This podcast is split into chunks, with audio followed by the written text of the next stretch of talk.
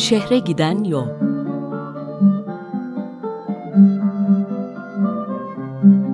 Bir İstanbul programı.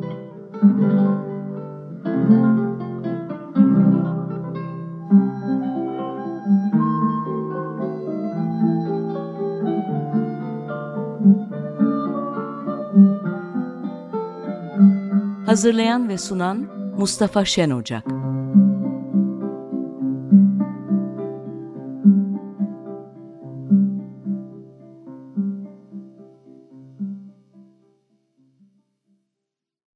Günaydın sevgili Açık Radyo dinleyicileri.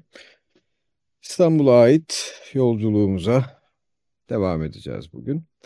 Bugün bir değişiklik yapalım dedim. O da e, İstanbul'un tarihini süreyen bir şekilde anlatmayı bırakıp zaten kronik bir problemimiz olan bazı özel, doğal ya da yapay e, sorunlardan bahsetmek istedim. İstanbul'un tarihi boyunca başına gelen ciddi doğal ve yapay dertler e, bilindiği gibi zelzele ve yangınlardır. Bunlar aslında üzerinde çok ayrıntının söylenebileceği konular. Ama tabii ki konumuz doğrudan doğruya bu tür bir şey olmayıp tarih içinde başımıza gelen enteresan olaylar olduğu için bunu belli özet halinde sunmayı düşünüyorum.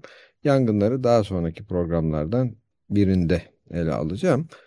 Bugün e, depremle ilgili Murat Bardakçı'nın e, yazılarından bir tanesine değineceğim. O da zaten yazısını şu anda nadir bulunan bir kitap haline gelmiş olan bir kitaptan özetlemiş. Bu kitap 1952'de devletin resmi bir yayını olarak çıkmış bir kitap.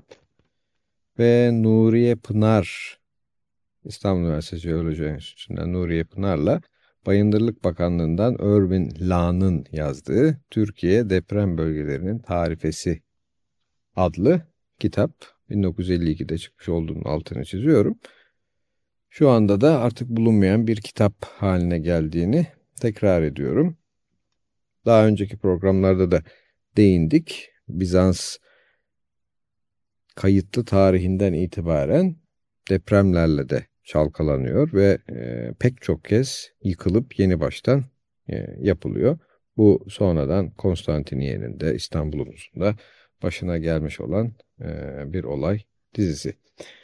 Şimdi bu kayıp kitaptaki, Ender kitaptaki İstanbul depremlerine değinelim. Marmara tarihinden önceki zamanlarda da sallandı. Ama tarihçilerin kaydedip hakkında detaylı bilgi verdikleri ilk deprem bundan tam 1872 yıl önce milattan sonra 29'da oldu. Sarsıntının merkezi Gemlik Körfezi'ydi ve İzmit yani o zamanki adıyla Nikomedya ile gene o devirde Nika denen İznik yerle bir oldu. İstanbul'daki kayıtlı ilk deprem ise tam 1638 yıl önce 1 Şubat 363'te yaşandı. Şehrin etrafındaki büyük bir bölgede hissedildi ve zamanın Romalı tarihçileri hadiseyi bir felaket oldu diye kaydettiler. İşte İstanbul'un 1638 yıllık deprem macerasının kısa bir kronolojisi. Milattan sonra 434. İstanbul 4 ay boyunca sarsıldı. Deniz surlarının bir bölümü yıkıldı. 26 Ocak 446. Sarsıntıdan şehrin bazı kapıları büyük hasar gördü ve deprem 3 ay boyunca devam etti. 25 Eylül 477. İstanbul 40 gün boyunca aralıksız sallandı.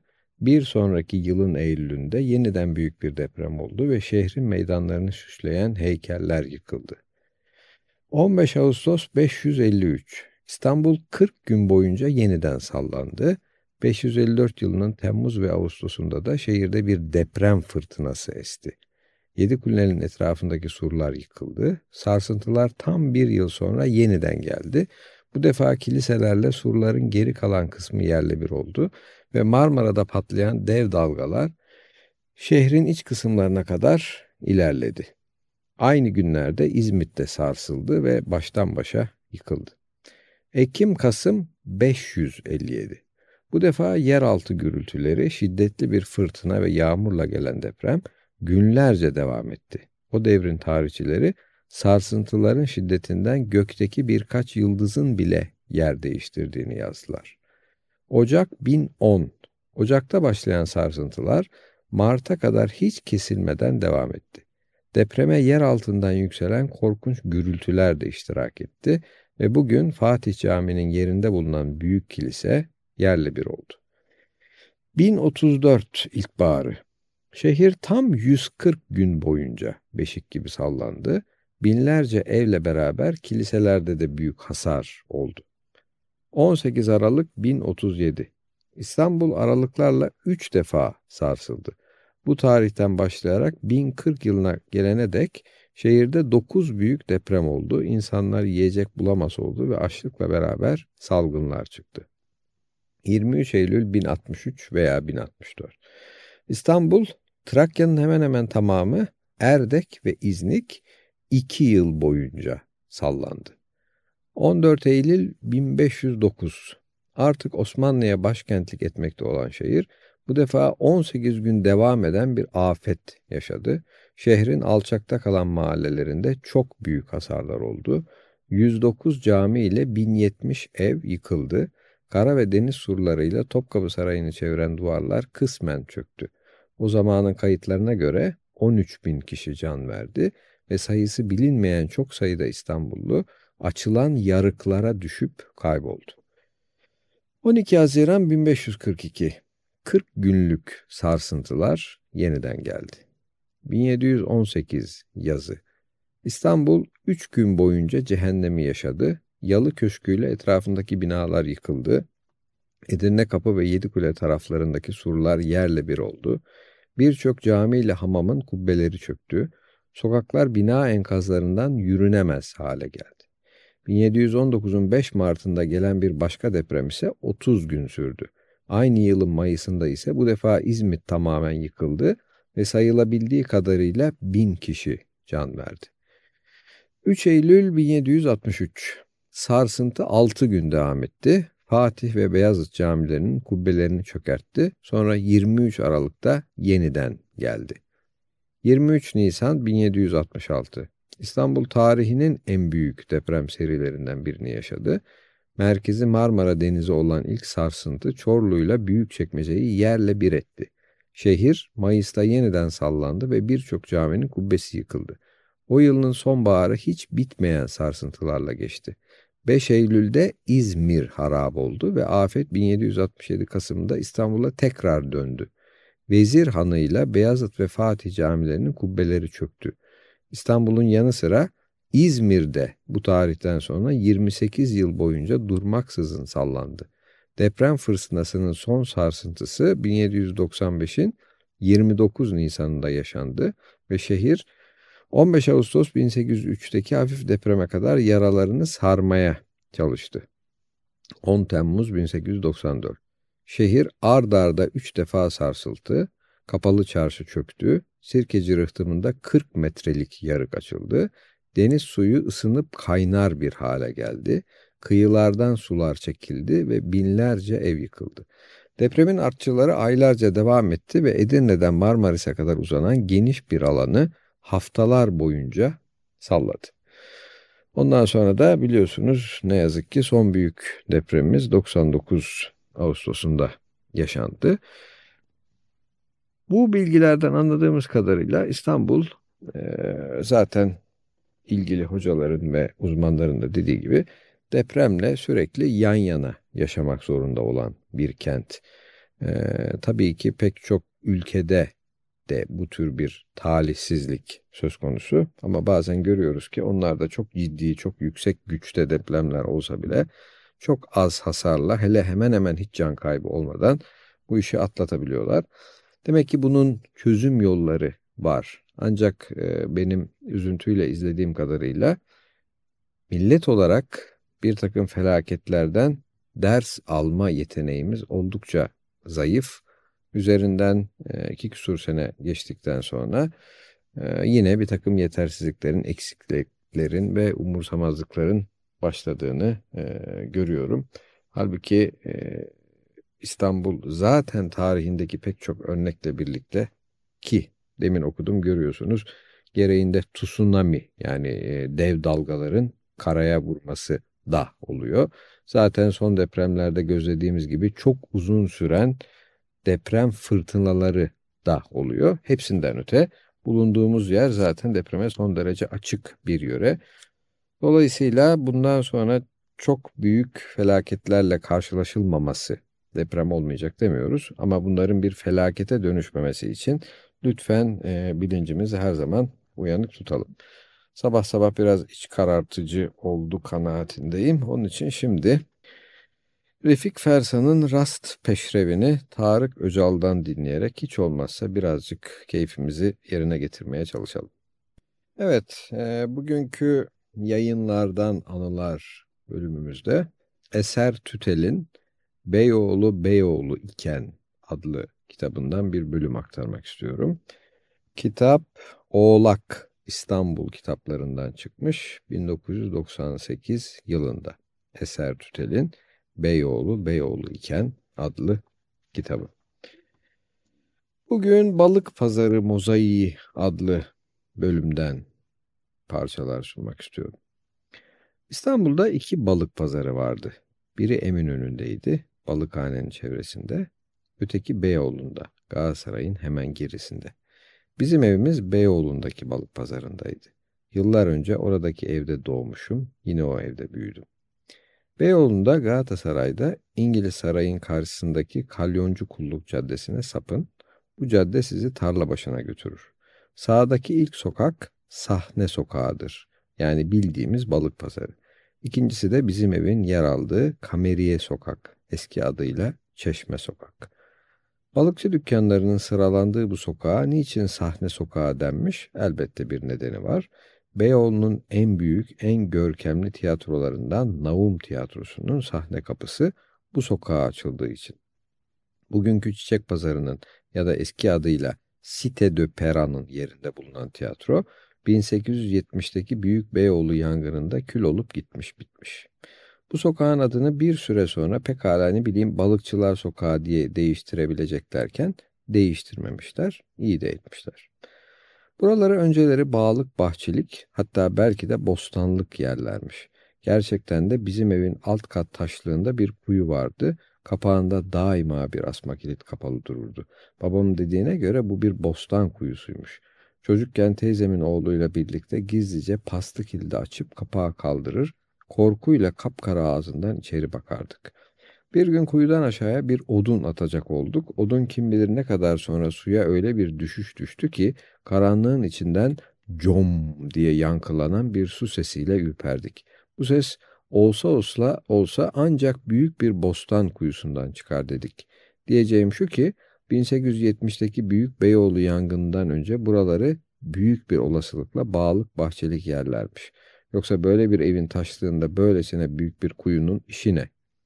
Atilla Dorsay'ın Benim Beyoğlum adlı kitabında bizim sokakta üzerinde 1876 tarihli ve arşitekt Prof. Fasonetti yazılı bir yapıya rastladığını okudum. Herhalde bu bina Hasan Tahsin apartmanı olmalıydı. Demek bu apartman 1870'te Beyoğlu'nu baştan sona kül eden büyük yangından hemen sonra yapılmış. Öteki evler ise hep kalfa işi eski Rum evleriydi. Hepsi de zaman zaman gördükleri tamirler sayesinde bugün bile iyi kötü ayakta duruyor.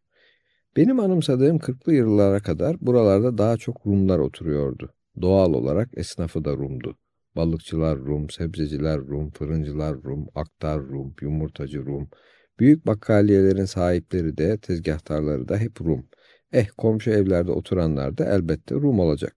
Yalnız manavımız Türktü. Bir de karşı dükkandaki Tatar berber İlyas Efendi. Tavukçumuz Tahsin Bey'in üç yıldız şekercisinin de Türk olduğunu belirtmem gerek. Ama işkembe salonunun sahibi Irakli Nova, çoğu işkembeciler gibi Hristiyan Arnavut'tu. Köşedeki sakatatçı da Müslüman Arnavut. Tek bir Bulgar esnaf vardı, o da sütçü Todori Efendi. Evin cumbasında oturup kalyoncu kulluğundan atları, arabaları, otomobilleri, gelip geçenleri seyrederken bakardık biri karşı evin kapısını çalıyor. Evin kızı Bebeka koşup gelerek sürme pencereyi kaldırır. Bakmayın adının Bebeka olduğunda. Yirmisinde koca kızdı. Sokağa uzanmış bir tahtanın ucuna yerleştirdikleri aynadan zil çalanın kim olduğunu görmeye çalışıyor. Piosini kimsiniz? Ego, ego yani benim, ben. Yıllar sonra bencil anlamına gelen egoizm sözcüğündeki bu ego kökünün Yunanca'daki egodan türediğini öğrendiğim zaman ne yalan söyleyeyim çok şaşırmıştım. Ayaklarında ıslak tahta sabolar, yağmurda, karda, açıkta, tepeden sarkan yüz mumluk ampullerin çiğ ışığında balıkçılar arada bir coşup Lüfera frescos diye lüferlerin çok taze olduğunu bağırırlardı. Hem de vatandaş Türkçe konuş uyarısına rağmen. Kırmızıya boyalı tablolardaki lüferler de freskostu hani. Palamutlar da, torikler de, izmaritler de, istavritler de, ispariler de, istronguloslar da, istakozlar da hepsi, hepsi freskostu. Evde sık sık anlatırlardı. Annemler yıllar önce Sarıyer'de oturdukları yıllarda bir gün seyyar bir balıkçıdan palamut mu, palamut mu torik mi bilemeyeceğim büyük boy bir balık almışlar. Kıvrık, dipdiri, taptaze bir balık. Eve gelip ayıklamaya başladıkları zaman bir de ne görsünler? Balığın içinden boylu boyunca bir şemsiye teli çıkmaz mı? Meğer balık bu tel sayesinde kıvrık duruyormuş. Şaşıp kalmışlar. Bir başka seferinde de babam bir başka balıkçıyı elinde fırça balığın galsamasını kırmızıya boyarken yakalamış. Taze balığın kulak arkaları kırmızı olur ya o hesap işte. Ama bizim balık pazarındaki balıkçılar böyle adi hilelere tenezzül etmezlerdi. Zaten pazara gelen balık balıkhaneden daha o sabah taze taze gelmiş olur. Ertesi sabah yerlerine yeniden çavelyeler içinde yine freskos lüferler, çinekoplar, palamutlar, uskumrular gelirdi.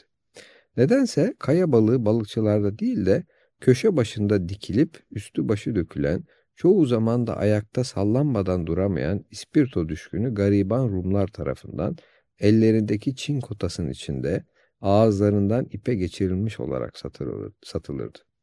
Gavril'in fırınına giderdiniz ekmek almaya, siyahlar giymiş yaşlı bir Rum kadının Dosta mena enapsomi dediği kulağınıza çalınırdı. Belliydi ki kokona fırıncıdan bir ekmek istiyor. Yumurtacıya giderdiniz, sizden önceki müşteri pendi avgo çorbacı der demez, yumurtacı kocaman elinin parmaklarını bir açışta beş yumurtayı birden bir seferde alır, çatlatmadan, kırmadan doğru kese kağıdına yerleştiriverirdi. İçinde bir sıra yumurtanın, bir sıra samanın üst üste, kat kat yerleştirildiği uzun tahta sandıkların insana soğuk gelen bir ismi vardı. Bugün de hala öyle mi deniyor bilemiyorum. O zamanlar tabut derlerdi yumurta sandıklarına. Günümüzde yumurtalar artık hokka gibi çukur çukur özel mukavva ambalajlarda sevk ediliyor. Kim bilir yakında çiftliklerde belki de zavallı tavukları doğrudan naylon poşetlerin içine yumurtlamaya mecbur ettiklerini duyarsam hiç şaşmayacağım. Yumurtacı tabutlar dolusu gelen yumurtaları beşer beşer alarak bir lambanın ışığına tutup gözden geçirir. Sonra iki ya da üç gruba ayırarak üzerlerine ayrı ayrı fiyatlar koyardı. Sırf yumurta satılan bu dükkandaki taze tahta yongasıyla saman kokusu hala burnundadır. Kasabımız Rum muydu, Türk müydü pek hatırlamıyorum. O zamanlar kasaplar pazar günleri de açarlar ama ancak öğleye kadar satış yaparlardı. Saat bir, bir buçuk oldu mu satırlarını birbirlerine vurarak artık kapanmak üzere olduklarını haber verirlerdi. Satır satıra vurulursa ne olur demeyin. Satırlardan öyle tan bir çan sesi çıkardı ki iki sokak öteden duyulurdu. Evet, Eser Tüter Beyoğlu Beyoğlu iken oralarda yaşadığı güzel anıları aktarıyor. Şu deminki freskos balıklardan aklıma geldi. Artık arada bir size küçük anekdotlar da aktarıyorum. Yaşlıca kadın balıkçının önünden geçiyor. Balıkçı bağırıyor. Canlı canlı bunlar diye. Kadın taze mi diyor. Canlı dedik ya teyze diyor. Taze mi diyor tekrar kadın. Canlı dedik ya teyze diyor. Kadın diyor ki evladım ben de canlıyım ama taze değilim. Evet şimdi Secret Garden'la devam edelim. Adagio. Evet gelelim bugünkü cinayetlerimize. Bu e, cinayetlere özel bir takıntım olduğu sanılmasın. E, 1965-75 arası ortalama olarak İstanbul'da 170 civarı vukuat-ı adiyeden cinayet işlendiğini okudum.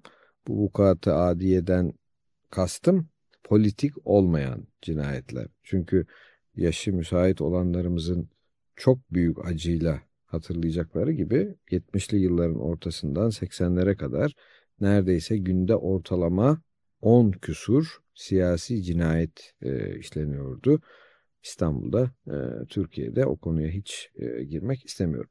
Ancak e, daha önceki yıllarda yani 1930'dan işte 50'lerin e, sonlarına kadarki yıllarda cinayet gerçekten önemli bir olaydı e, İstanbul için. Dolayısıyla herhangi bir cinayet şimdi olduğu gibi 3. 4. sayfada küçük bir yer kaplamaz. Gereğinde ayrıntıları bir hafta 10 gün gazetelerde yer almaya devam ederdi. Yani neredeyse eski cinayetlerin kendilerine ait bir kalitesi vardı diyesi geliyor insan. Şimdi bugün önce bir Feriköy cinayeti. Çünkü çok daha önceleri Eyüp'le ilgili 5-6 tane birden Eyüp cinayeti örneği verdiğim hatırlarım. Şu anda elimde de bir iki tane den fazla Feriköy cinayeti var. Sadece bir tanesini aktarmayı uygun gördüm. Evet Feriköy cinayeti benzeri görülmemiş bir vakadır. Feriköy'de yayla meydanına fabrika altı sokağında bir gece konduda oturan Fatma Çakmak adında bir kadın 1954'te amele işçi olan kocasının ölümü üzerine 9 ve 2 yaşında iki oğlu ile dul kalmıştır.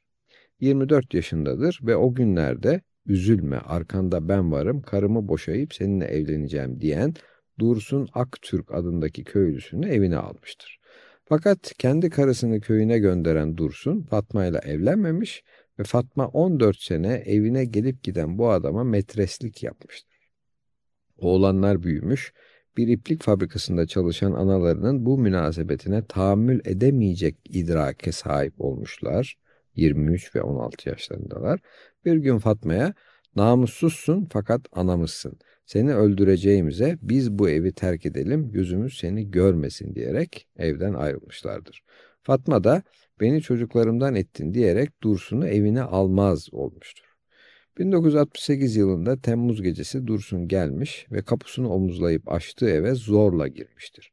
40 yaşındaki metresi zor karşısında güler yüz göstermiş ve yatmadan önce erkeğini yıkamak üzere çırılçıplak soymuş, bir leğene oturtup başını, yüzünü, gözünü sabunlamış, sonra da koynunda sakladığı ekmek bıçağını kalbine saplayarak Dursun'u öldürmüştür. Vakanın adli safhası tespit edilemedi. Evet yazıyı Koçu'nun İstanbul Ansiklopedisinden aldım. Orada isimler doğrudan doğruya açık seçik sunulduğu için ben de öyle e, aktarmakta bir sakınca görmüyorum. Başka bir cinayet, e, bu gerçekten e, bana enteresan geldiği için seçtim. O da Fındıklı Parkı cinayeti.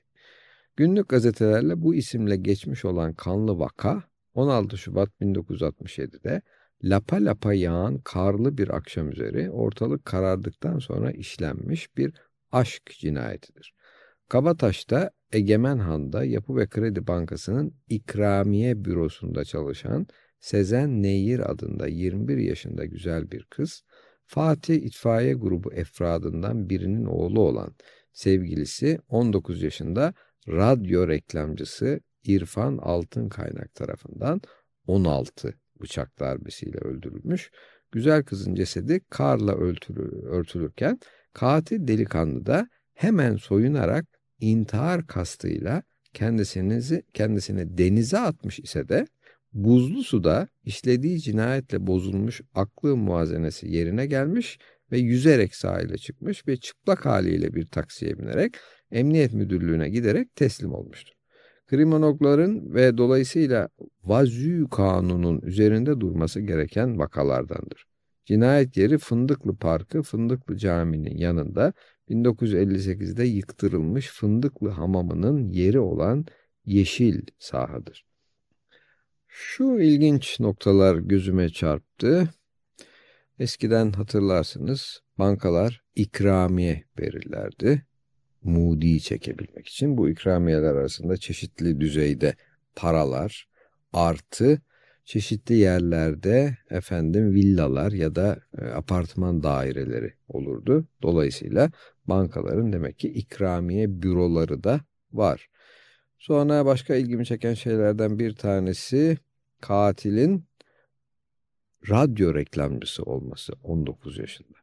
Daha da enteresan da herhalde e, ansiklopedinin kendi yaklaşımı çerçevesinde bir cinayet maddesinde bile ne yazık ki artık olmayan, yıkılmış bir e, tarihi binadan belki de biraz acıyla söz ediliyor. Evet, e, yeniden içimizi kapattık. Böyle periyodik olarak iç kapıp kapayıp açarak bir program geliştiriyoruz. Şimdi yeniden biraz içimizin açılabilmesi için neşeli bir Hicaz İstanbul türküsü dinleyelim. Şu gelen atlı mıdır?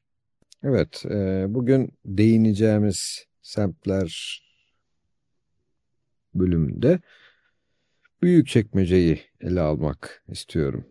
E, tabii ki bu semtlerle ilgili bilgi verirken şu andaki hallerini anlatmamızın herhangi bir anlamı, önemi yok. Bunların eskiden ne olduğunu ve şimdi nasıl bir hale geldiğini gözünüzün önüne getirebilirseniz bunun e, çok daha yararlı sonuçlar doğurabileceğini hem şehrimizin nereden gel, e, nereden nereye geldiğini yargılamak için hem bu değişimde bizim katkılarımız, hatalarımız, sevaplarımız neler olmuştur bunu daha rahat irdelemek için yaklaşık 1950 55-60 yıllarına ait durumları ağırlıklı olarak e, Reşat Ekrem Koçu'nun İstanbul Ansiklopedisinden aktarıyorum. Üzerine yorum yapmak, anılarınızı depreştirmek yahut da tüh demek e, tamamen size kalmış. Büyükçekmece Çatalca ilçesinin dört bucağından biri. İstanbul Büyükçekmece 40 kilometrodur. Çatalca'ya uzaklığı Büyükçekmece'nin 17 kilometro. Büyükçekmece köyü Marmara sahilinde ve bu köyle aynı adı taşıyan gölün kenarındadır. Sahil kordonunun çok kalın olduğu ve ziraate elverişli arazinin batı kısmına nazaran daha çok yer kapladığı doğu tarafında göl cihetinde kurulmuştur. Bucak toprakları çıplak olup hububat ziraatine tahsis edilmiştir. Beylikdüzü ilerisinde kuzeybatı istikametinde arazinin hem yüksekliği artmakta hem de arızalanmaya başlamaktadır. Büyükçekmece'ye doğudan hakim tepeler 180-190 metre yüksekliğindedir. Bucak halkı köylerinin toprak verimine, içeride ve sahilde oluşuna göre çiftçilik, bağcılık, bahçıvanlık ve balıkçılıkla geçinirler. Nefsi Büyükçekmece köyünde 30 kadar balıkçı kayığı olup bunlardan 6 tekne motorludur. Başlıca toprak mahsulü domates, soğan, karpuz ve kavundur. Bilhassa topatan. Bunları bağlarının üzümüyle beraber İstanbul piyasasına gönderir. Ayrıca mısır ve ayçiçeği ekilir. Bucakta sütçülük, yoğurtçuluk ve peynircilik de gelir kaynakları arasındadır. Bucak merkezi Büyükçekmece Köyü Fatih Mahallesi ve Dizdariye Mahallesi adıyla iki mahalledir.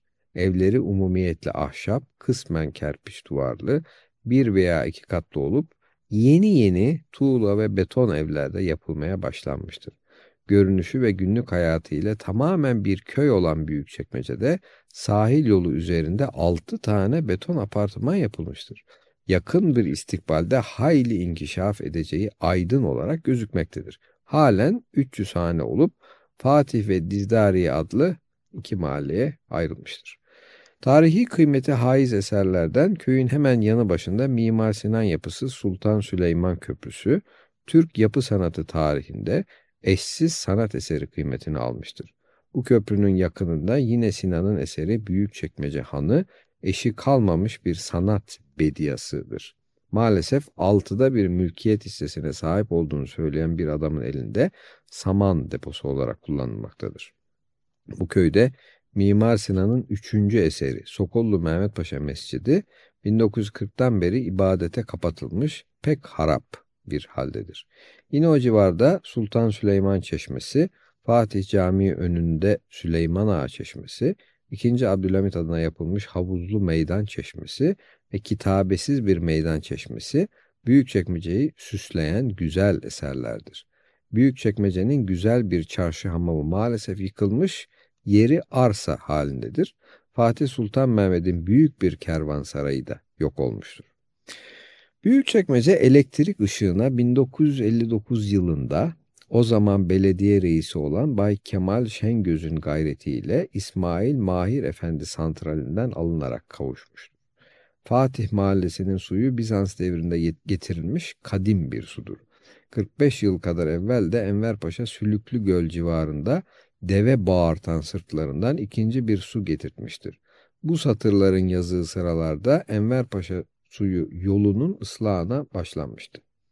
Kadimden beri Trakya'nın ana ticaret ve askeri yolunun üzerinde meşhur bir konak yeridir Büyükçekmece. Büyük seyyah ve muharir Evliya Çelebi meşhur seyahatnamesinin 3. cildinde çekmeceye ait şu bilgileri veriyor. A bu havası gayet latiftir. Küçük çekmece ile arası deryadan 12 mildir. Büyük çekmece gölüne 7 adet dere dökülür ki başlıcaları şunlardır. Azatlı Deresi, Çatalca Deresi, Baba Nakkaş Deresi, Koduk Deresi. Gölün suyunun lezzeti bozuktur. Gölün ayrıca emini vardır. Köprü başında Yeniçeri kolluğu ve gümrük emini vardır ki geçenlerin kaçak eşyasını, malını ve kaçak köleleri ve haramileri yakalarlar. Kaydü bend ederler, yüklerinden bac alırlar. Gölünde pisi balığı ve yılan balığı olur ki methedilir. Bu gölün ayağı üzerinde ibretle görülecek bir köprü vardır ki banisi Sultan Süleyman Han tamamlayanca tamamlayan da 2. Sultan Selim Han'dır. Koca Mimar Sinan merhumun binasıdır. 26 gözlü olup her gözü kehkeşan gibi semaya baş çekmiştir. Bu meşhur tarihi köprü yapılmadan önce kervanlar ve ordular gölü denize bağlayan ve dibi ve etrafı batak olan kanalı gayet güçlükle geçerlerdi. Bir kervan bütün bir gün kaybeder, ordunun geçmesi de günlerce sürerdi. Batağa gayet kalın kazıklar çakılmış ve aralarına kalın halatlar gerilmişti. Yolcular, asker, atlar, develer, toplar büyük bir sala, salın alabildiği kadar binip dolar, salcılar da o halatlara yapışıp çeke çeke salı kanalın bir yakasından öte yakasına yüzdürür, götürürlerdi.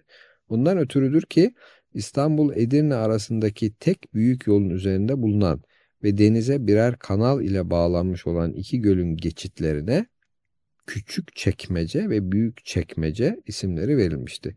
Geçitlerin yanı başındaki köyler de aynı isimleri almıştı. Dolayısıyla çekmece teriminin nereden geldiğini de görüyoruz. Bu arada dikkatimizi çeken şey de şu olmalı. Herhalde bu yazı 1965'ler civarında yazılmıştır. Şu andaki büyük çekmeceyi, oradaki sahilin, o zamanlar bir zamanlar yazıda olduğu gibi bağ, bahçe, bostan olan yerlerin durumunu gözünüzün önüne getirirseniz herhalde gerçekten insan bir e, ürperti geçiriyor. Hele oralara elektriğin 1959 yılında geldiğini, 1965'li yıllarda sahilde 6 tane beton apartman bulunduğunun büyük büyük yazıldığını hatırlarsak gerçekten e, etkili.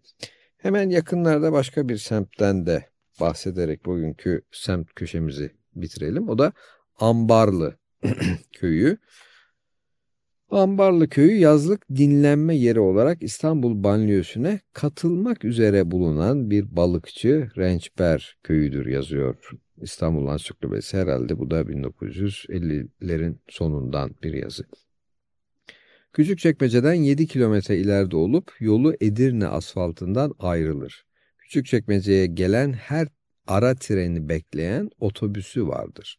85-90 hanedir. Halkının bir kısmı büyük çiftçilerin topraklarında gündelikçi olarak çalışır. Balıkçı reisler de balık avı mevsiminde tayfalarını köy delikanlıları arasından alırlar. 5-10 köylü de İstanbul fabrikalarında amelelik, işçilik yapar. Köy denize tatlı bir meyil ile inen arazide kurulmuştur. Tam deniz kenarı bir adam boyu yüksekliğinde dik kesilmiştir. Sahil elvan çakılları ile meşhurdur. Bu güzel çakıllar villa bahçelerini döşemek için sureti mahsusa da aranırmış. Balıkçıları bilhassa barbunya, tekir ve kılıç avlamaktadır. Pek iptidai bir usul ile ağızlarına çuval bez gerilerek atılan adi küfelerde bir miktarda istakoz saydedilmektedir.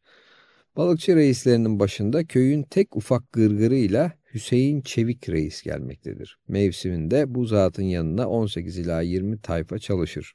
Yıllardan beri küçük çekmece kapanık dalyanını da kura gelmekte olan bu zat, İstanbul balıkhanesini en makbul balıklarla besleyen bu dalyanı iki senedir malzeme ve adamsızlıktan maalesef kuramamaktadır.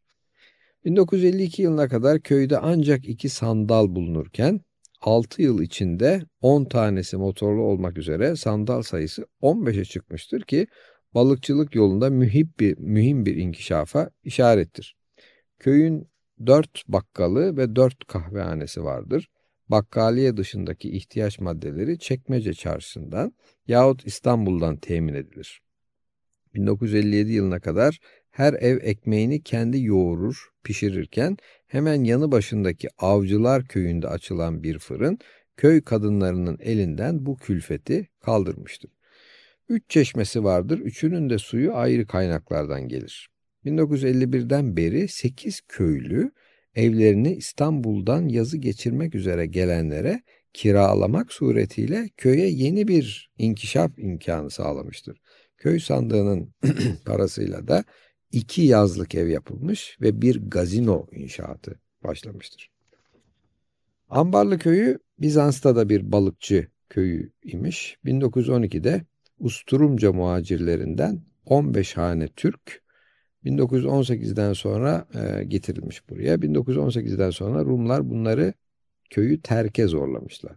Ancak büyük zafer sonrası mübadele yapılarak bu Rumların yerine Selanik'in Kayalar yöresi muhacirleri iskan edilmiş ve köyün kilisesi de mescide tahvil olmuş. 1958'de en büyük sıkıntı ışık meselesiymiş. Evler gaz ve mumla aydınlatılıyormuş ve gaz darlığı olduğundan herkes mum bulmakta bile zorlanıyormuş. Görüyorsunuz bu anlattığımız, aktardığımız bilgiler çok da eskilere gitmiyor. Bundan 40 sene önce İstanbul ve çevresinin ne durumda olduğunu ve 40 sene içinde nereden nereye geldiğini, belki bu ikinci nereye meselesinde az da olsa bozunumun ipuçlarını size yansıtıyorum herhalde. Bu semtlerle ilgili bilgileri başta da söylediğim gibi nereden nereye gelindiğini gözünüzde canlandırarak eğer yaşlar e, müsaitse yeniden bilinçli olarak değerlendirmenizi öneririm. Evet, e, bugün programımızı kapatacağız. Tekrar aktarmakta yarar gördüğüm bazı bilgiler var. Bunlardan ilki Açık Radyo'nun telefonu. Her zaman olduğu gibi katkılarınıza da eleştirilerinize de açığız. 0 212 296 23 89 296 23 89 E-mail adresi olarak Açık Radyo'nun e-mail adresi acikradyo acikradyo at türknet. Benim e-mail adresim mıskrus m skrus at yahoo.com herhangi bir şekilde kendi anılarını da aktarmak isteyen e, olursa e-mail adresime yazar ve iletişim kurarız. Evet, son olarak biraz daha rahatlatıcı bir parçayla bitirmek istiyorum. O da Beethoven'ın 14. piyano sonatı yani namı diğer Ay Işığı sonatı. Herkese sağlıklı, güzel günler dileklerimle.